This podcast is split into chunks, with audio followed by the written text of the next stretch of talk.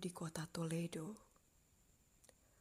Kota Spanyol yang seakan-akan hinggap seperti burung di bukit-bukit karang gersang. Ia akhirnya berhasil mengejarku. Serta meremas hatiku sehingga aku diam seketika. Di tengah rombongan wisatawan yang berkerumun dekat bus, ada yang mengatakan, Ya, ya, betul. Persis seperti lukisan El Greco.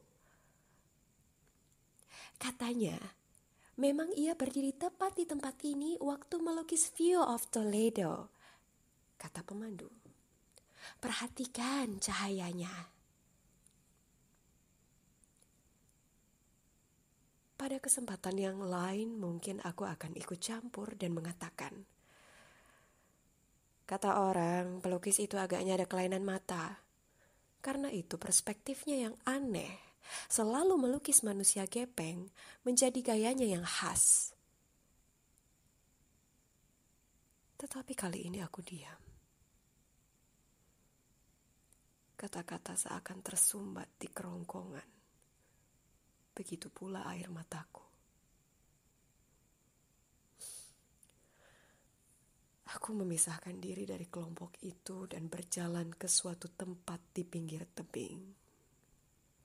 Pura-pura mengamati keindahan kota kuno di seberang lembah sungai, disinari cahaya lembut matahari musim gugur. El Greco barangkali mempunyai kelainan mata, tetapi justru itu yang membuat orang-orang tertarik pada lukisannya. Ya, itulah kehebatan seorang seniman. Aku aku punya kelainan apa? Sehingga bayangan yang sudah lebih sebulan mendampingiku baru sekarang sempat menentangku, menerkamku, mengoyak-ngoyak tabir ketahanan diri yang begitu lama melindungiku. Mengapa justru di sini? Dan pada hari ini?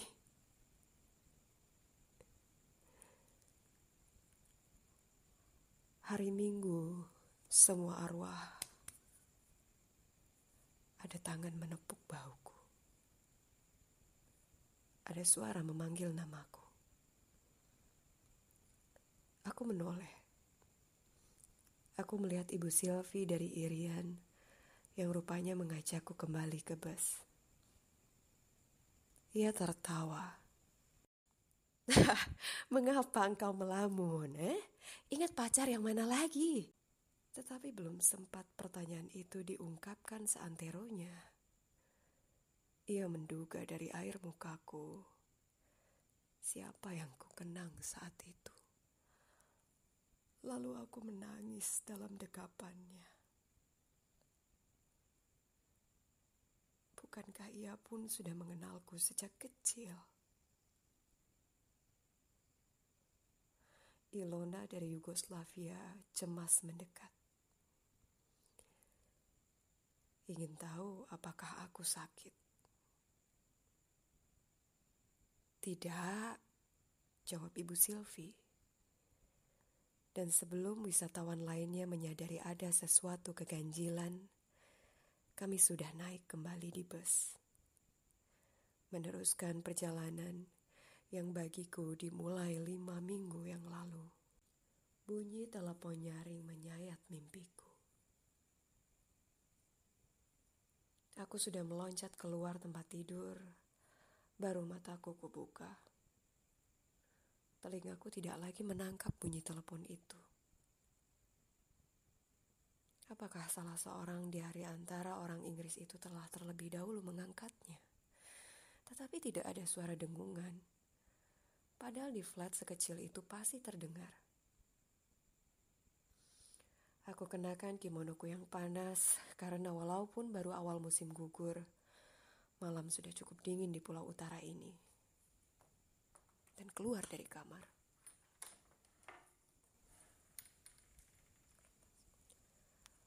Lampu kecil menyala di pojok tempat telepon.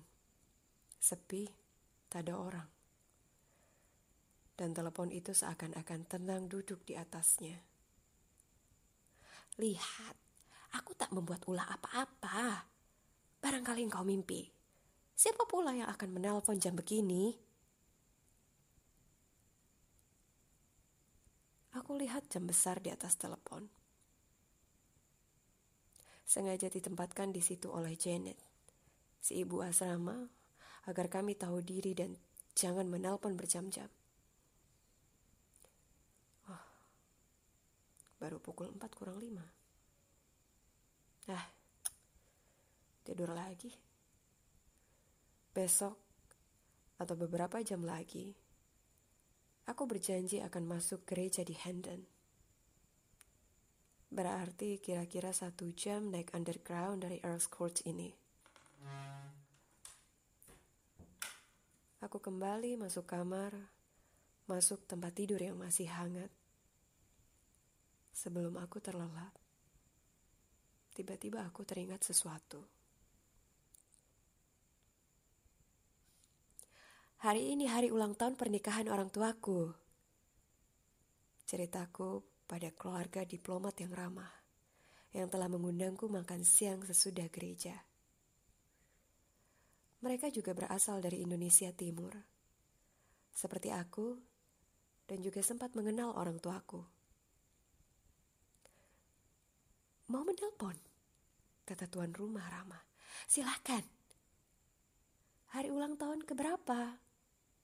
Tanya ibu. Yang ke-61, jawabku. Terima kasih, Pak. Tapi kalau telepon, belum tentu ada di rumah atau di rumah mana. Mungkin dirayakan di rumah salah seorang kakakku. Masih begitu sehat, kata ibu kagum. Terakhir kulihat di gereja sebelum kami berangkat ke London masih segar sekali dan begitu lincah. Sudah berapa usianya? Aku menjawab. Aku ceritakan bagaimana ketika baru lahir ibuku diberi nama Pitong yang berarti pungut dalam bahasa Tontembuan. Dari semua kakaknya, hanya seorang yang hidup yang lain meninggal satu dua hari sesudah lahir. Dan menurut kepercayaan setempat, itu adalah ulah roh jahat yang tidak merelakan keluarga itu punya keturunan. Dan walaupun sudah nyaris empat abad sebelumnya, padri-padri berjubah putih memercikkan air suci pada orang-orang ini, mereka masih belum melepaskan semua kebiasaan leluhur. Jadi bayi merah itu digotong keluar rumah dulu dan diletakkan dekat pintu gerbang. Lalu, salah seorang saudara orang tuanya pura-pura menemukan anak itu. Memungutnya dari tanah dan menggendongnya ke dalam rumah sambil bersorak gembira. Lihat! Lihat apa yang kutemukan. Kasihan, anak ini dibuang begitu saja. Ah, kami juga mempunyai kebiasaan seperti itu di daerah kami, kata ibu tersenyum. Lucu ya, di masa lampau, tempo dulu, orang-orang berupaya mengelabui roh jahat. Sekarang kan masih tetap begitu, kelakar suaminya. Cuma sekarang roh jahatnya ganti nama. Misalnya, Orangnya terlalu gemuk, jadi setiap hari rajin ikut fitness. Pulang dari fitness, langsung ke hotel berbintang lima makan breakfast steak. Malam, hmm, tidak seperti papiku ya. Selang anaknya mengejek. Biar tidak pernah fitness, badannya langsing karena makanya empat sehat lima sempurna. Dan setiap hari mencangkul di kebun mawarnya.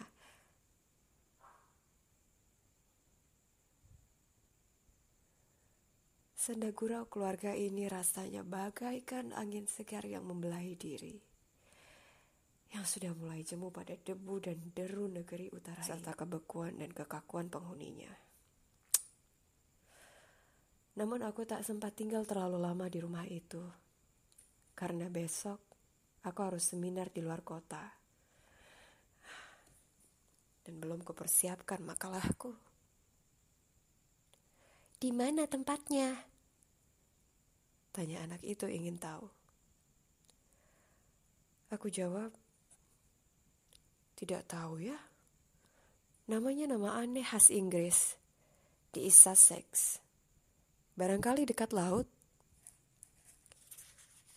Gedung tempat seminar itu suatu bangunan bergaya kuno. Dikelilingi pohon-pohon rindang yang belum berubah warna daunannya. Tamannya pun masih penuh bunga. Apalagi bunga mawar yang begitu khas bagi negeri utara ini. Letaknya dekat suatu desa kecil. Bukan saja jauh laut, tetapi juga jauh dari mana-mana.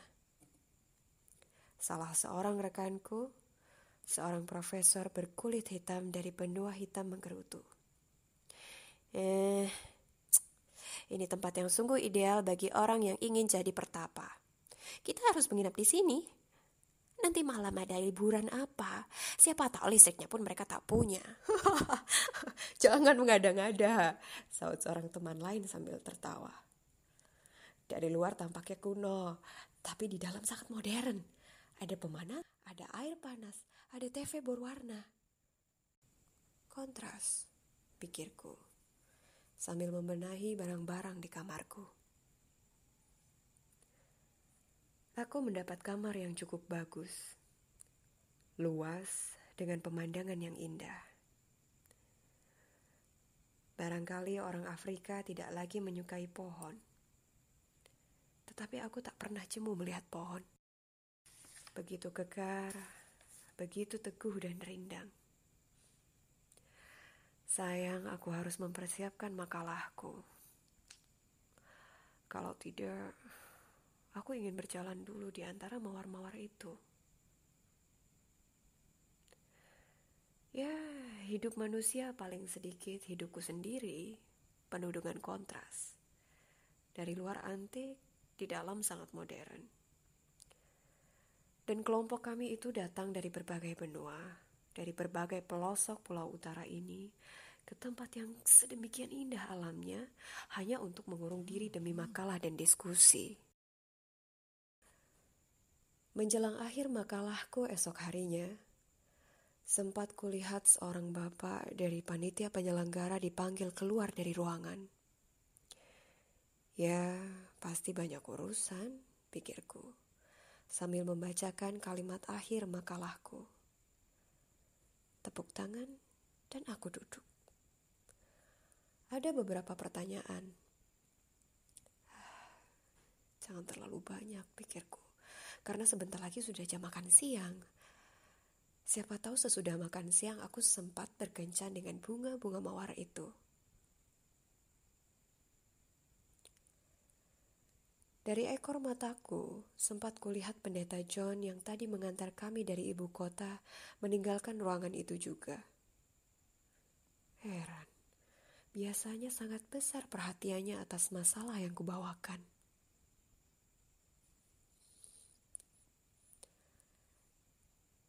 Antara para penanya, ada seorang profesor Belanda. Begitu kami bertemu, ia bertanya, Nona masih ingat? Aku bingung. Tetapi ketika disebutkan namanya, aku tahu lagi.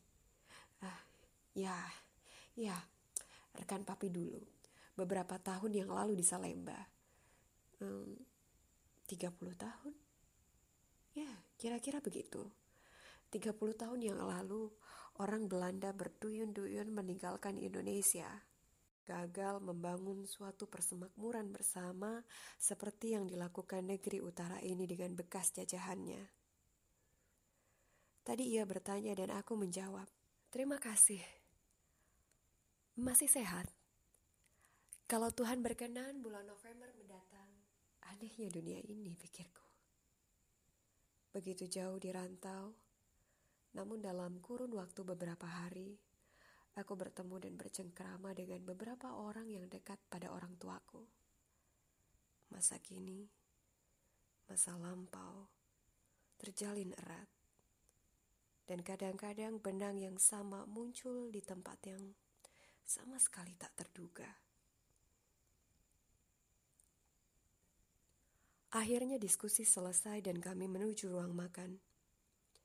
Dekat pintu ruangan makan, Pendeta John sedang berbicara sangat serius dengan Bapak Panitia Penyelenggara. Eh, nakal, nakal, gurauku sambil lewat. Bolos tadi ya. Mereka menatapku dengan pandangan yang sangat aneh. Sehingga aku terpikir, wah, barangkali mereka merasa tersinggung merasa digurui oleh perempuan kecil dari dunia ketiga.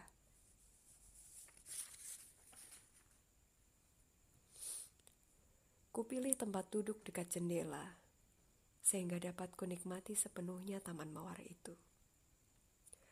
Sungguh dirawat dengan sangat baik. Ada yang berwarna merah darah, ada yang berwarna merah jambu, putih murni dan di salah satu pojok Bahkan ada bunga kesayanganku, mawar kuning. Kemarin di rumah diplomat itu ada mawar kuning juga. Memang ditanamnya satu dari setiap warna.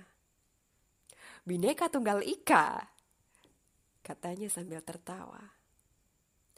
Tetangga-tetangganya sangat heran, karena mereka biasanya tidak terlampau suka variasi. Si Profesor Afrika datang duduk di sebelahku. Anda sepertinya mengagumi bunga mawar itu ya? Aku mengangguk. Geli. Orang ini anti pohon, jangan-jangan nanti mawar pula. Memang kalau dilihat sangat indah, sambung sang pengoceh itu. Tetapi bila dicium tak ada harumnya. Sama seperti bunga plastik, artificial, semu, seperti segala sesuatu di negeri ini, kataku. Karena beberapa warga dari negeri yang artifisial itu, termasuk pendeta John, mendekat. Hei John, mengapa Anda begitu muram durja? Tanyaku akhirnya. Biasanya justru orang ini yang paling ramah dan cerah dari semua orang utara ini makanannya tidak enak ya. Ia seperti tersentak. Uh, uh, oh, ada sesuatu yang ingin kubicarakan denganmu. Nanti saja, sehabis makan, sambil minum kopi. Atau sambil jalan di taman bunga, usulku. Rasanya itu lebih sehat dan lebih indah. Romantis nian gurau si Profesor Afrika. Sekiranya ada terang bulan, bukan cahaya matahari. Kami semua tertawa, karena pendeta John sudah berusia lanjut, sekitar 70 tahun. Ia sendiri ikut tertawa kendati agak terpaksa. Kembali rasa heran sejenak menyentuh hatiku.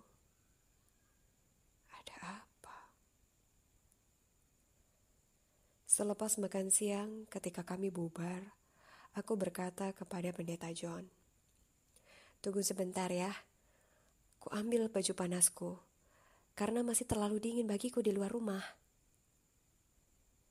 Sebelum pendeta John sempat menjawab, bapak dari panitia penyelenggara itu sudah berdiri di mukaku.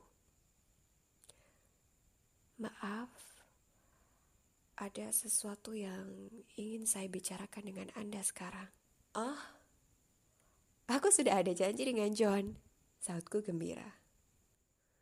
Tetapi pendeta John berkata, saya rasa tentang hal yang sama. Hmm? Mengapa mereka tiba-tiba semua mengerumuruniku? Sang profesor Belanda, profesor Afrika, Pendeta John dan peserta-peserta lainnya begitu cepat meninggalkan ruangan. Barangkali lebih baik Anda duduk dulu, kata bapak itu.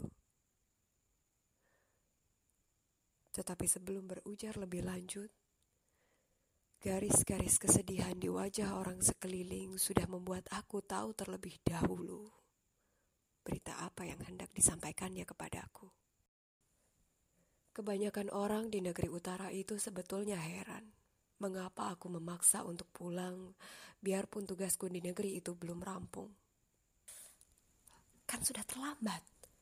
Sekiranya memang masih dapat bertemu atau paling sedikit menghadiri upacaranya masuk akal. Tetapi bukankah di negeri tropis harus dilaksanakan dalam waktu 24 jam? Dan kejadiannya sudah beberapa hari berselang.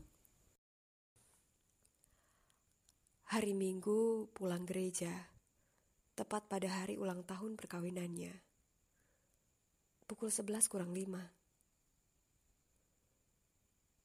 Aku teringat teringat telepon yang menyayat mimpiku malam itu. Perbedaan waktu antara pulau utara ini dan pulau Jawa memang tujuh jam.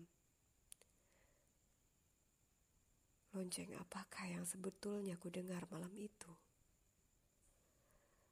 Tetapi bulan depan ada pertemuan di Spanyol yang harus kau ikuti. Protes salah seorang. Biayanya akan sangat mahal bila engkau kembali dulu ke Indonesia. Betapa materialisnya orang ini, pikirku. Kalau kehadiranku dianggap cukup penting, pasti penyelenggara akan membayar. Kataku ketus, dan ia terdiam.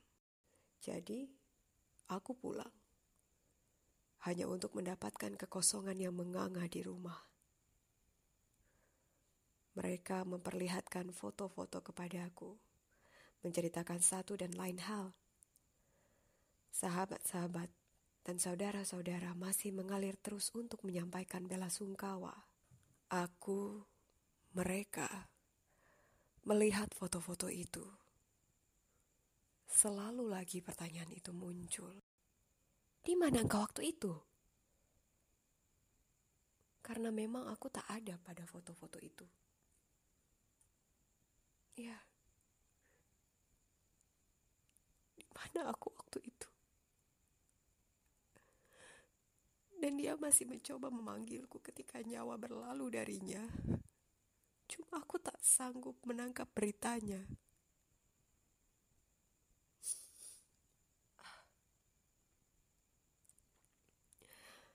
Hanya dua minggu di rumah, sudah dipanggil ke Spanyol. Semua orang kagum karena selama ini aku begitu tabah dan kuat. Biar hati penuh duka, tetapi janji untuk ke Spanyol tak boleh dibatalkan. Enak ya hidupmu, jalan-jalan terus. Komentar seseorang. Aku tersenyum datar. Perjalanan gila yang selalu membawa kita begitu dekat pada keindahan dan kesegaran, namun tak pernah terjangkau. Perjalanan yang membuat kita begitu jauh dari perasaan hangat. Rindu. Mengapa baru di kota Toledo duka itu tiba-tiba menyerangku? Mungkin kataku kepada Ibu Sylvie karena biasanya aku selalu kirim kartu pos kepadanya, dan kali ini tiba-tiba aku sadari bahwa sekarang kartu pos terindah pun tak akan sampai.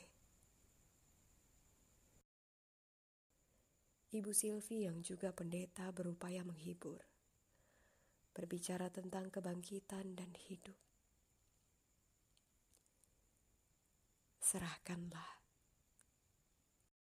Aku mengangguk tetapi dalam hati kecilku masih membara rasa penyesalan. Perjalanan hidupku mulai dari rahimnya. Mengapa ketika perjalanan hidupnya sendiri berakhir dan ia kembali ke rahim bumi, aku tak diperkenankan hadir?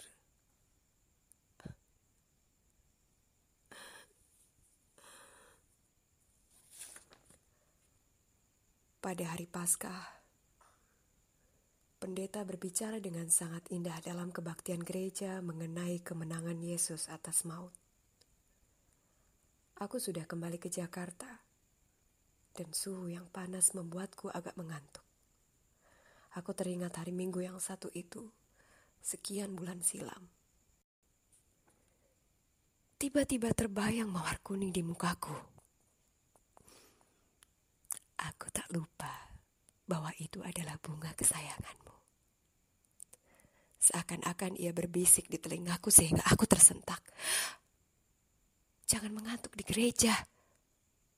Bentakku pada diri sendiri. Ketika pulang ke rumah, pembantu menyambut. Bu, tadi ada temannya datang. Katanya nanti kembali lagi. Ini ditinggalkan surat. Aku mengenal kembali tulisan itu. Oh, dia sudah pulang ya. Temanku ini mengikuti suaminya ke tugasnya di suatu negeri yang sebetulnya tidak terlalu jauh dari Indonesia, tetapi amat sulit dicapai. Surat menyurat pun harus dilakukan melalui Perancis. Ia dulu selalu mengajak ibuku. Ayo tante, pesiar ke sana. Nanti saya antar ke Bukit Zaitun, ke Sungai Yarden, dan rumahku sendiri di Nazaret. Sekarang sudah boleh, Tante. Barangkali sekali, kelak, kata ibuku waktu itu, tidak pernah tercapai. Kubuka suratnya itu dan tersentak. Bukan karena kata-katanya yang bagus, manis,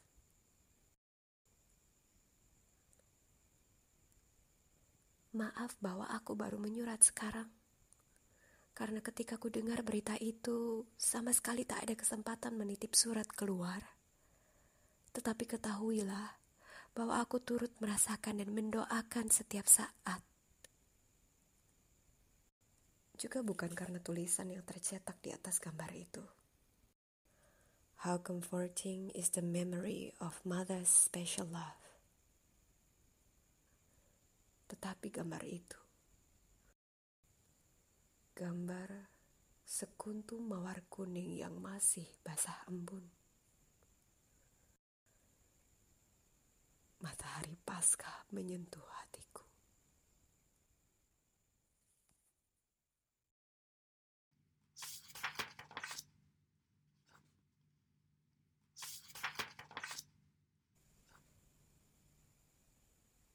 Perjalanan Karya Mariana Katopo